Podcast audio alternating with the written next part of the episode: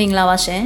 အပတ်စဉ်ဗုဒ္ဓဟူးနေ့တိုင်းထုတ်လွှင့်ပေးနေကြဖြစ်တဲ့ရေရေမောမောပေါပေါပပပေါ့ကတ်ရဲ့တက်သစ္စလူငယ်ခန္ဓာကနေပြန်လည်ကြိုဆိုလိုက်ပါတယ်ဒီပတ်မှာတော့ကျမတို့ MCA Arts Network ရဲ့ Training and Mentorship Program First Week ရဲ့အတွေ့အကြုံလေးတွေနဲ့ဆွေးနွေးချက်ကလေးတွေကနေတဆင့်မိတ်ဆွေတို့ကိုဝေမျှပေးချင်တာလေးရှိပါတယ်။အဲ့ဒါကတော့အခုခေတ်မှာ social media platform တော်တော်များများမှာ podcast ကို ချဲ့ထွင်ပြီးတော့မှအသုံးပြုလာကြတာကိုတွေ့ရတယ်။အထူးသဖြင့်ကျမတို့ Facebook မှာလည်း podcast ကိုကျမတို့ RSS link ထည့်လို့ရနေပြီ YouTube မှာလည်း podcast ကိုဖန်တီးလို့ရနေပြီအခု TikTok ကလည်း podcast အတွက်သူတို့ပြင်ဆင်နေတယ်လို့ကျမတို့ကြားရပေါ့နော်အဲ့တော့တော်တော်များများတော့ TikTok မှာအသုံးပြုကြတဲ့သူတွေက podcast ကိုစိတ်ဝင်စားသလို YouTube ဘက်မှာ Facebook ဘက်မှာရှိနေကြတဲ့ podcaster တွေကလည်း TikTok ကို တွားဖို့အတွက်စိတ်ဝင်စားနေကြတယ်။ဆိုတော့ဒီအချက်ကလေးကတော်တော်လေးစိတ်ဝင်စားဖို့ကောင်းပြီးတော့မှကျမတို့ဘယ်လိုပုံစံမျိုး multi platform ပေါ့နော် platform တစ်ခုထက်မကကျမတို့ရဲ့ podcast တွေကိုလွှင့်နိုင်မလဲကျမတို့ရဲ့ video content creation တွေကိုအယုတ်အတန်ပေါင်းဆက်ခြင်းအပြင်ကျမတို့ channel ပေါင်းစုံလွှင့်တယ်လို့ပဲ podcast ကိုလည်းကျမတို့ video content အနေနဲ့ဘယ်လိုပုံစံမျိုးချဲ့ထွင်ပြီးတော့လုပ်လို့ရလဲဆိုတာကကျမတို့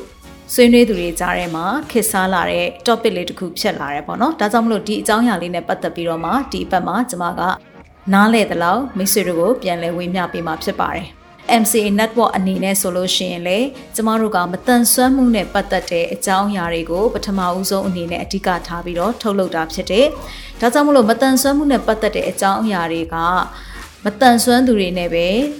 တည်တဲ့သက်ဆိုင်တာမဟုတ်ဘဲနဲ့လူတိုင်းလူတိုင်းနဲ့သက်ဆိုင်တာဖြစ်တယ်။ ဘာဖြစ်လို့လဲဆိုတော့အာကျွန်မပြောနေကြစကားတခွန်းရှိတယ်ဘယ်သူမဆိုအချိန်မရွေးအကြောင်းအမျိုးမျိုးကြောင့်မတန်ဆွမ်းသူဘဝကိုကြာရောက်သွားနိုင်တယ်အဲ့တော့မတန်ဆွမ်းသူဆိုတာရုတ်တရက်ကြားလိုက်တဲ့ဆိုရင်အာဒါကမွေးရပါဖြစ်လာတယ်လို့ပဲထင်တတ်ကြတယ်တကယ်တော့မဟုတ်ပါဘူးရှင့်အာမွေးကလေးကခြေလက်အင်ကအပြည့်အစုံနဲ့ရှိနေကြတော့လဲပဲအကြောင်းအမျိုးမျိုးကြောင့်မတန်ဆွမ်းသူဘဝကိုအချိန်မရွေးကြောက်ရောက်သွားနိုင်တယ်အဲ့ဒီအခါမှာကျမတို့ကယာယီမတန်ဆွမ်းမှုနဲ့ အဲလုံးဝကူတာလို့မရတော့ဘဲနဲ့မတန်ဆွမ်းသူဘဝနဲ့နေသွားရတဲ့ဟာမျိုးတွေလည်းရှိလာနိုင်တယ်ဒီလို option နှစ်မျိုးပေါ့နော်အဲ့တော့အမြဲတမ်းမတန်ဆွမ်းသူဖြစ်သွားတယ်ဆိုတာကုသလို့မရတဲ့မတန်ဆွမ်းသူလည်းရှိနိုင်တယ်လို့ကုသပြီးတော့မှပြန်လဲကျမ်းမာပြီးတော့ကောင်းမွန်နိုင်တဲ့တချို့သောယာယီမတန်ဆွမ်းအနေထားတွေလည်းရှိနိုင်တာဖြစ်တယ်ဒါကြောင့်မို့လို့ကျမတို့ podcast တွေကလည်းပဲ channel အများကြီးကိုလွှင့်နေဆိုတာကိုတော်တော်များများ ဒီ training and mentorship program ကိုလာကြတဲ့သူတွေကသတိထားမိတယ်ဒါကြောင့်မို့လို့ဒီအပိုင်းနဲ့ပတ်သက်ပြီးတော့မှကျမတို့ဆွေးနွေးရင်းနဲ့အခုအချိန်မှာကကျမတို့ဘယ် channel မဆိုအားလုံးကပြန်ပြီးတော့မှ mix လုပ်ထားတဲ့ media တွေဖြစ်တယ်ပေါ့နော်ပြန်ပြီးတော့ရောရှက်ပြီးအသုံးပြုထားတဲ့ media ဖြစ်တယ် YouTube မှာပြောထားတဲ့ video တစ်ပုဒ်ကနေပြီးတော့မှ အတန်ဖိုင်အတိုလေးတစ်ခုကိုလည်း podcast အဖြစ်နဲ့ထုတ်လွှင့်နိုင်တယ်လို့ TikTok မှာလည်းဒီအတန်ဖိုင်အတိုလေးကို video အနေနဲ့ဘယ်လိုပေါင်းဆက်ပြီးတော့မှစိတ်ဝင်စားအောင်လုပ်မလဲဆိုတာလေဒါကဖန်တီးမှုတွေကိုရောဆက်ပြီးတော့အသုံးပြုခြင်းရဲ့အကျိုးကျေးဇူးတွေဖြစ်တယ်။ဒါကြောင့်မလို့ဒီအပတ်မှာဒီကဏ္ဍလေးနဲ့ပတ်သက်ပြီးတော့ကျွန်မဆွေးနွေးပေးချင်တာဖြစ်ပါတယ်။ကျွန်မကတော့အစီအစဉ်တက်ဆက်သူနှွေးစာချီဆိုဖြစ်ပါတယ်ရှင်။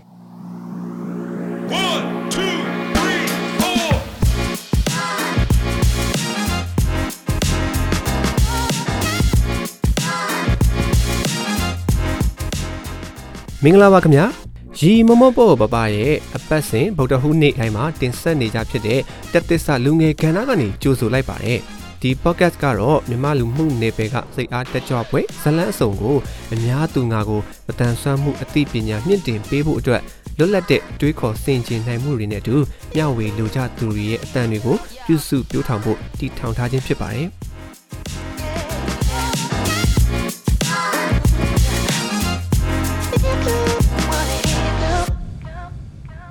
โอเคပထမဦးဆုံးကျမတို့ဒီရေရေမောမောပေါပေါပပရဲ့အတွေ့အကြုံအရပြောမယ်ဆိုလို့ရှိရင်ကျမတို့ပထမဦးဆုံး podcast စလုပ်တော့က Anchor platform ကနေပြီးတော့မှကျမတို့ရဲ့ free ရတဲ့ podcast channel တခုကိုစပြီးတော့တည်ထောင်ခဲ့တာဖြစ်တယ်။ဒါမဲ့ Anchor ကဒီ2023 March လလောက်မှာသူတို့ terminate ပေါ့နော်ဖြစ်တော့မယ်တနည်းအားဖြင့်ရက်ဆိုင်လိုက်တော့မယ်ဘာကြောင့်လဲဆိုရင်မြန်မာပြည်ပေါ့နော်ကျမတို့မြန်မာပြည်က Spotify user လုပ်လို့ရတဲ့နိုင်ငံမဟုတ်တဲ့အတွက်ကြောင့်မို့လို့သူတို့က Anchor ရဲ့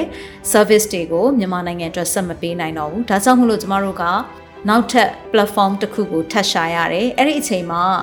paid platform ပေါ့နော် ငွေသားနဲ့ပေးပြီးတော့မှကျမတို့အသုံးပြုနိုင်တဲ့ platform တွေရှိသလို free platform ပေါ့နော်ကျမတို့အခမဲ့သုံးနိုင်တဲ့ platform ရှိတယ်အဲ့တော့ MCA network အနေနဲ့ကတော့ NGO project မဟုတ်တဲ့အတွက် paid platform ကိုကျမတို့ကလက်တလုံးမသုံးနိုင်ဘူးဒါကြောင့်မို့လို့ free platform တစ်ခုဖြစ်တဲ့ Red Circle ကိုကျမတို့အားချင်းပြောင်းပြီးတော့သုံးရဒါပေမဲ့ကောင်းတာတစ်ခုက Red Circle မှာအကောင့်ဖွင့်လိုက်ပေမဲ့လို့ဒီရှိပြီးသား radio program တွေအားလုံးကိုကျမတို့က link ချိတ်ပြီးတော့မှယူလို့ရတဲ့အတွက်ကြောင့်မလို့တော်တော်လေးပင်ပန်းရတက်တာသွားတယ်ပေါ့နော်အဲ့တော့ red circle မှာကျမတို့အကောင့်ဖွင့်ပြီးတဲ့အခါမှာ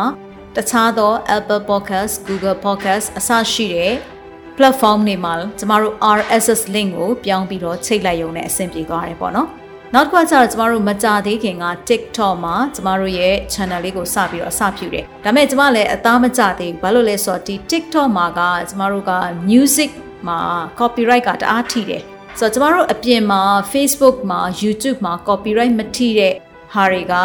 TikTok မှာသွားပြီးတော့မှ music copyright ထိတဲ့အတွက်ကျမတို့မှာဒါကိုပြန်ပြီးတော့မှအသုံးပြုရတာတော်တော်လေး challenge ဖြစ်တယ်ပေါ့နော်အဲစိန်ခေါ်မှုတွေအများကြီးတွေ့ရတယ်။ဘာကြောင့်လဲဆိုလို့ရှိရင်ကျမတို့က edit လုပ်ပြီးသားအချောထုတ်ပြီးသား program တစ်ခုကိုပြန်ပြီးတော့ music တွေ change ဖို့ဆိုတာမဖြစ်နိုင်ဘူး။နောက်တစ်ခါကျ TikTok ကကြတော့မိနစ်အတိုလေးတွေကိုပဲသူတို့ကပို့ပြီးတော့စိတ်ဝင်စားတယ်ဖြစ်နိုင်ရင်စက္ကန့်ပိုင်းလောက်ပဲကြည့်ရတဲ့ဟာမျိုးတွေကလူကြည့်များတယ်ပေါ့ အဲ့တော့ကျမတို့ကဒီ Facebook တို့ YouTube တို့မှာကတော့အာ9မိနစ်နဲ့အထက်ကနေစပြီးတော့မှเนาะနိုင်ဝက်တို့မိနစ်40တို့တခါလေးဆိုကျမတို့ဟိုးတုန်းကစပြီးလွှင့်ငါစားဆိုရင်ကိုရီကလည်းတိတ်မကျွမ်းကျင်သေးတော့တနာရီကျော်တို့အထိဖြစ်သွားတဲ့ program မျိုးတွေဆိုကျမတို့ TikTok မှာဘာမှလုပ်လို့မရ စိတ်ဝင်စားမှာမဟုတ်အဲ့တော့ကျမတို့ကဘာလုပ်ရလဲဆိုရင် version လေးတွေပေါ့နော်ကျမတို့အခေါ်အရဆိုလို့ရှင် teaser ပေါ့နော်အမည်လေးတွေပဲကျမတို့ပေးလို့ရတယ်ပေါ့အမည်ပုံစံလေးပေးမှသာလျှင်တစ်ဖက်ကလူကနားထောင်တဲ့အခါမှာတတောင့်တတရှိမယ်အဲ အဲ့ဒီအမည်လေးကနေသူဆက်ပြီးနားထောင်ခြင်းတော့တဖြည်းဖြည်းနဲ့ကျမတို့ရဲ့ logo တွေကိုကြည့်ပြီးတော့မှဘယ်နေရာကနေဝင်နားထောင်လို့ရမလဲဆိုတာကိုသူ channel တွေရှောက်ပေးလာမှာဖြစ်တယ်။ဒါကြောင့်မို့လို့ကျမတို့ကဒီ TikTok မှာလည်းသွားပြီးတော့တင်တဲ့အခါမှာအတန် duration ပေါ့နော်အတိုအရှည်ပေါ့မိနစ်အတိုအရှည်ကအရန်ကိုစကားပြောတာဖြစ်တယ်။ နောက်တစ်ခုကကျတော့ TikTok က video platform ပေါ့နော် YouTube လိုပဲအဲ့တော့ကျမတို့ကကျမတို့တွေရဲ့အတန်ကြီးပဲသွားပြီးတော့တင်လို့မရတော့ဘူးကျမတို့မှာအနည်းဆုံးတော့ cover ပေါ့နော် cover လေးကစိတ်ဝင်စားမှုကောင်းအောင်လုပ်ရမယ်ပြီးလို့ရှင်ဒီ cover လေးကနေမှအလှုပ်ကလေးတွေလိုမျိုးပေါ့နော် motion graphic လေးတွေသုံးတာမျိုးလေးတွေအဲတချို့ကျတော့ animation သုံးတာမျိုးလေးတွေစသဖြင့်ပေါ့နော်ဒီ graphic ရုပ်ပုံတွေရဲ့ဆွဲဆောင်မှုပြီးလို့ရှိရင် လိုတိုရှင်းကောင်းစဉ်လေးတွေနောက်ကျမတို့ logo တွေဒါလေးတွေထည့်သုံးခြင်းအပြင်လေတစ်ဖက်သားကိုအနည်းဆုံးတော့ entertain ဖြစ်စေတယ်မိနစ်ပိုင်းလေးအတွင်းမှာပြီးလို့ရှိရင်အဲ့ဒီကနေ information လည်းကျမတို့ပေးနိုင်တယ်ပေါ့နော်ဘယ် channel တွေမှာနားထောင်လို့ရနိုင်တယ်ဆိုတော့ logo တွေကိုကျမတို့ထည့်ပေးခြင်းအပြင်နောက်ပြီးလို့ရှိရင်ကျမတို့ရဲ့ကိုယ်ပိုင် logo ပေါ့နော်ကျမတို့ရဲ့ရေရေမောမောပေါပေါပါပါရဲ့ brand logo ပေါ့ဒီ brand ကိုလည်းကျမတို့ကတခါတည်းမိတ်ဆက်ပြီးသားဖြစ်တယ် ဒါကြောင့်မို့လို့ TikTok မှာနားထောင်တဲ့သူတွေကတကယ်စိတ်ဝင်စားတယ်ဆိုလို့ရှိရင်သူတို့အနေနဲ့ Facebook, YouTube ဒါမှမဟုတ်တခြားသော Apple Podcast, Google Podcast အစရှိတဲ့နေရာတွေမှာလာပြီးတော့နားထောင်နိုင်တာဖြစ်တယ်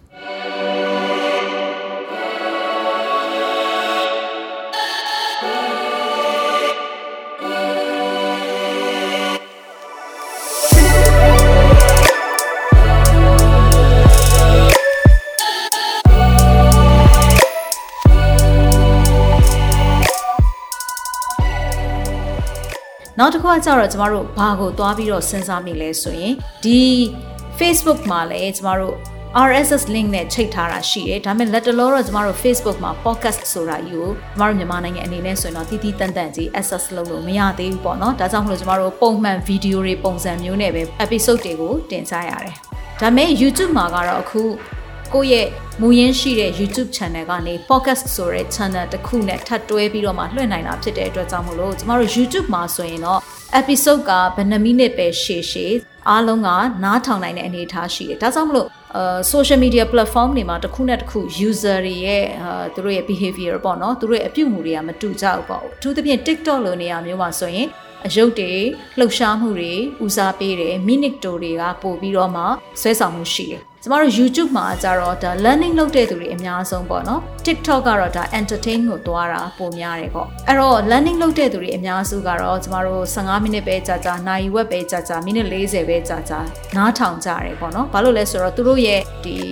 လိုချင်တဲ့ဆန္ဒပုံစံချင်းကမတူကြဘူးပေါ့နော်ဒါကြောင့်မလို့ကျမတို့က YouTube မှာ podcast channel တွေကိုစပြီးတော့မှလုပ်ဖို့အတွက်လည်းလက်ရှိ YouTuber တွေက စပြီးတော့ခြေလန်းလှမ်းနေကြတယ်အဲ့တော့ပုံမှန်အားဖြင့်ကျမတို့ဗီဒီယိုတွေမှာရှိတဲ့အတန်ကိုအတန် format အနေနဲ့ပြန်ပြီးတော့ cover photo နဲ့တင်တာမျိုးမဟုတ်ဘဲနဲ့စနစ်တကျတီးဖြတ်ပြင်ဆင်ပြီးတော့မှ music စသဖြင့်ပေါ့နော်ရောနှောထားတာဒါမှမဟုတ်တစ်ယောက်တည်းတင်ဆက်တာနှစ်ယောက်တင်ဆက်တာသုံးယောက်တင်ဆက်တာဇလန်းလောက်တာစသဖြင့်ပုံစံမျိုးစုံနဲ့တင်ဆက်မှုတွေကိုကျမတို့ကတိတိကျကျလေးကိုပေးခြင်းနဲ့ခန်းကဏ္ဍလေးကိုတိတိကျကျလေးကျမတို့ စက္ကန့်60အောက် YouTube short မှာလည်းကျမတို့တင်လို့ရသလို YouTube မှာလည်းထပ်ပြီးတော့မှမိနစ်များစွာနဲ့ရှိတဲ့ episode တွေကိုလည်းကျမတို့တင်လို့ရမှာဖြစ်တယ်အဲ့တော့ Facebook ဆိုလို့ရှိရင်လည်းလောလောဆယ်တော့ RSS link နဲ့ချိန်ထားပေးမယ်လို့တော့ active ဖြစ်တာမျိုးတော့သိမတွေ့ရသေးဘူးဒါပေမဲ့ဒီ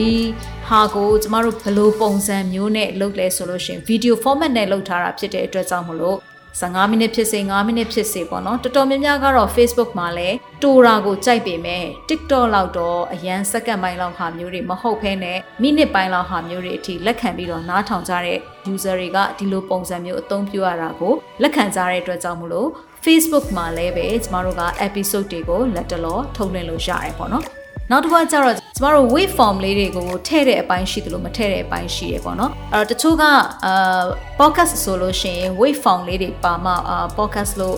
ထင်တာမျိုးရှိတယ်ပေါ့ဒါပေမဲ့ wave form လေးတွေကလည်းကျမတို့တိုင်းတာအရဆိုရင် free ရတဲ့ wave form လေးတွေက 10မိနစ်အောက်ပဲရတယ်ပေါ့နော်အဲ့တော့ mini podcast လုပ်မယ်ဆိုလို့ရှိရင်တော့ wave form လေးတွေသုံးပြီးတော့ cover လှလှလေးတွေနဲ့လုပ်တယ်ဆိုလို့ရှိရင်အတော်လေးဆွဲဆောင်မှုရှိနေပါပြီပြီးလို့ရှိရင်9မိနစ်10မိနစ်အတွင်းမှာကိုယ့်ရဲ့ cover art လေးတွေနဲ့ကိုပြောချင်တဲ့အကြောင်းအရာတစ်ဖြတ်တစ်ဖြတ်ကို episode တစ်ပိုင်းစာရအောင်လုပ်နိုင်တယ်ဆိုရင်လည်းတော်တော်လေးဆွဲဆောင်မှုရှိတယ်ပေါ့နော် Facebook မှာဆိုလို့ရှိရင်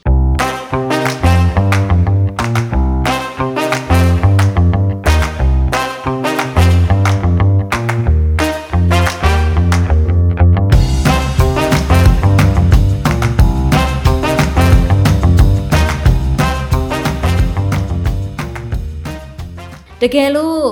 10မိနစ်နဲ့အထက်ဆိုလို့ရှိရင်ကျမတို့က free မရတော့ဘူးပေါ့နော် free မရတဲ့အခါကျတော့တချို့တော့10မိနစ်နဲ့အထက် episode တွေဆိုရင်ကျမတို့ wave form တွေမထည့်နိုင်တော့ဘူးပေါ့ငကိုတော့ကတော့ကျမတို့ teaser လို့ခေါ်တဲ့အမီးလေးတွေတော့ကတော့ wave form လေးတွေနဲ့လှအောင်လုပ်ပြီးတော့တင်လို့ရပါမယ်တကယ် full episode ကိုတင်ပြီဆိုရင်တော့15မိနစ်မိနစ်20နာရီဝက်စသဖြင့်အဲ့လိုကြာလာပြီဆိုရင်တော့ကျမတို့ wave form လေးတွေ ထည့်လို့မရဘူးပေါ့တကယ်လို့ပတ်စံပေးနိုင်တယ်ဆိုရင်တော့ premium account လုပ်လိုက်တယ်ဆိုလို့ရှိရင်တော့ကျမတို့က wave form လေးတွေနဲ့ဆိုရင်အဲတော်တော်များများကဒါဟာ podcast တခုဆိုတာကို wave form လေးတွေနဲ့ cover art လေးတွေကိုကြည့်ချင်းအပြင်ခန်းစားလို့ရတယ်ပေါ့နော်ဒီအခက်ခဲရလဲဒါကျမတို့ independent လုပ်တဲ့သူတွေအတွက်ဆိုရင်တော့ဒါက barriers တခုလိုမျိုးပေါ့နော် wave form ကို episode တိုင်းမှာကျမတို့မထည့်နိုင်ဘူးအဲ့တော့ကျမတို့ mini episode လေးတွေလုပ်မယ်ဆိုလို့ရှိရင်တော့ wave form လေးတွေသုံးလို့ရနိုင်တဲ့ website တွေလည်းရှိပါတယ်အဲ့တော့အဲ့လို website တွေကနေ wave form လေးတွေကို under 10 minute ပေါ့နော်10 minute အောက်အတွင်းမှာသွားပြီးတော့လုပ်ပြီးတော့မှ ကိုတင်ချင်တဲ့နေရာလေးတွေမှာပြန်ပြီးတော့တင်လို့ရတယ်။နောက်တစ်ခုကကျတော့ platform တစ်ခုနဲ့တစ်ခုမှာသူတို့ရဲ့ aspect ratio လို့ခေါ်တဲ့ဒီ video ဓာတ်ပုံတွေကိုပြနိုင်တဲ့ဟိုအများမြင်နိုင်တဲ့ပုံစံကလည်းမတူသေးဘူးပေါ့နော်။ဥပမာကျမတို့ Facebook မှာဆိုရင်11အချိုးဆိုလို့ရှိရင်တော့1:1ဒီအချိုးဆိုလို့ရှိရင်တော့ကျမတို့က square ပေါ့နော်၄တောင်ဆက်ဆက်ပုံစံလေးနဲ့မြင်ရမယ်။တကယ်လို့ 916ဆိုလို့ရှိရင်တော့ကျမတို့ကဖုန်းထောင်ရက်ပုံစံပေါ့နော် downlight မြင်ရမယ်69 ratio ဆိုလို့ရှိရင်တော့ကျမတို့ကအလျားလိုက်ဖုန်းကိုလှည့်ထားတဲ့ပုံစံမျိုးမြင်နိုင်တယ်ဒီလိုပဲ YouTube မှာလည်းပုံစံအမျိုးမျိုးရှိရပေါ့နော် YouTube short မှာဆိုလို့ရှိရင်ကျမတို့ဖုန်းထောင်ရက်အတိုင်းမြင်မှရတယ် YouTube မှာဆိုလို့ရှိရင်တော့ပုံမှန်အားဖြင့် horizontal ပေါ့နော်အလျားလိုက်ရေပြင်ကြီးအလိုက်ပဲကျမတို့ဗီဒီယိုတွေကိုတင်ကြတယ်ပေါ့ TikTok မှာကျတော့ vertical ကိုသွားတာများတယ်အဲ့ဒီမှာမှချိုးကနောက်ထပ်အချိုးတွေရှိသေးတယ်3:4အချိုးရှိမယ်4:5အချိုးရှိမယ်အဲ့လိုမျိုးအချိုးတွေဒါဒီ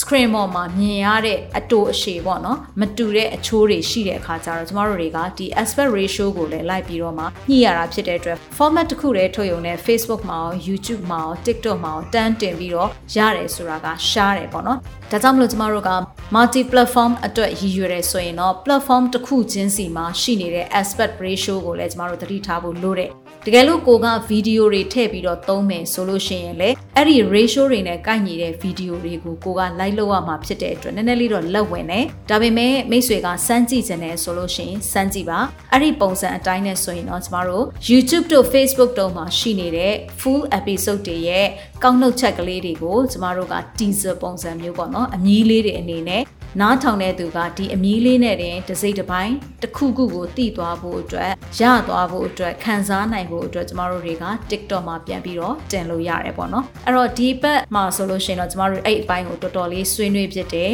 လာကြတဲ့ participant တွေကလည်းပဲ multi platform တွေမှာတပြိုင်နက်သူတို့ရဲ့ content creations တွေကိုဘယ်လိုပုံစံမျိုးတင်ဆက်လို့ရမလဲအသုံးချလို့ရမလဲဆိုတာ ਨੇ ဒီ podcast ကိုဘယ်လိုထပ်ပေါင်းပြီးတော့မှတီထွင်လို့ရတယ်လဲဆိုတာကိုကျမတို့ဆွေးနွေးဖြစ်ခဲ့တဲ့အကြောင်းအရာလေးကနေပြီးတော့မှပြန်လည်ဝေမျှပေးတာဖြစ်ပါတယ်ဒီဘက်မှာတော့မတန်ဆွမ်းမှုနဲ့ပတ်သက်ပြီးတော့လည်းစိတ်ဝင်စားတဲ့အတွက်ပူပေါင်းပါဝင်ဖို့အတွက်ကမ်းလှမ်းလာကြတဲ့အပြင်က podcast တင်ဆက်ခြင်းအပိုင်းကိုစိတ်ဝင်စားကြတဲ့မတန်ဆွမ်းလူငယ်တွေကိုလည်းကျေးဇူးတင်တယ်။အဲ့တော့ကျမတို့အကောင်းဆုံးဘယ်လိုပုံစံဆက်ပြီးတော့မှလက်တွဲပူးပေါင်းပြီးတော့တင်ဆက်သွားကြမလဲဆိုတာကိုတကယ်ပဲရင်ခုန်စိတ်လှုပ်ရှားစွာနဲ့လက်တွဲဖို့အတွက်စောင့်မျှော်နေပါတယ်။အားလုံးကိုကျေးဇူးတင်ပါတယ်ရှင်။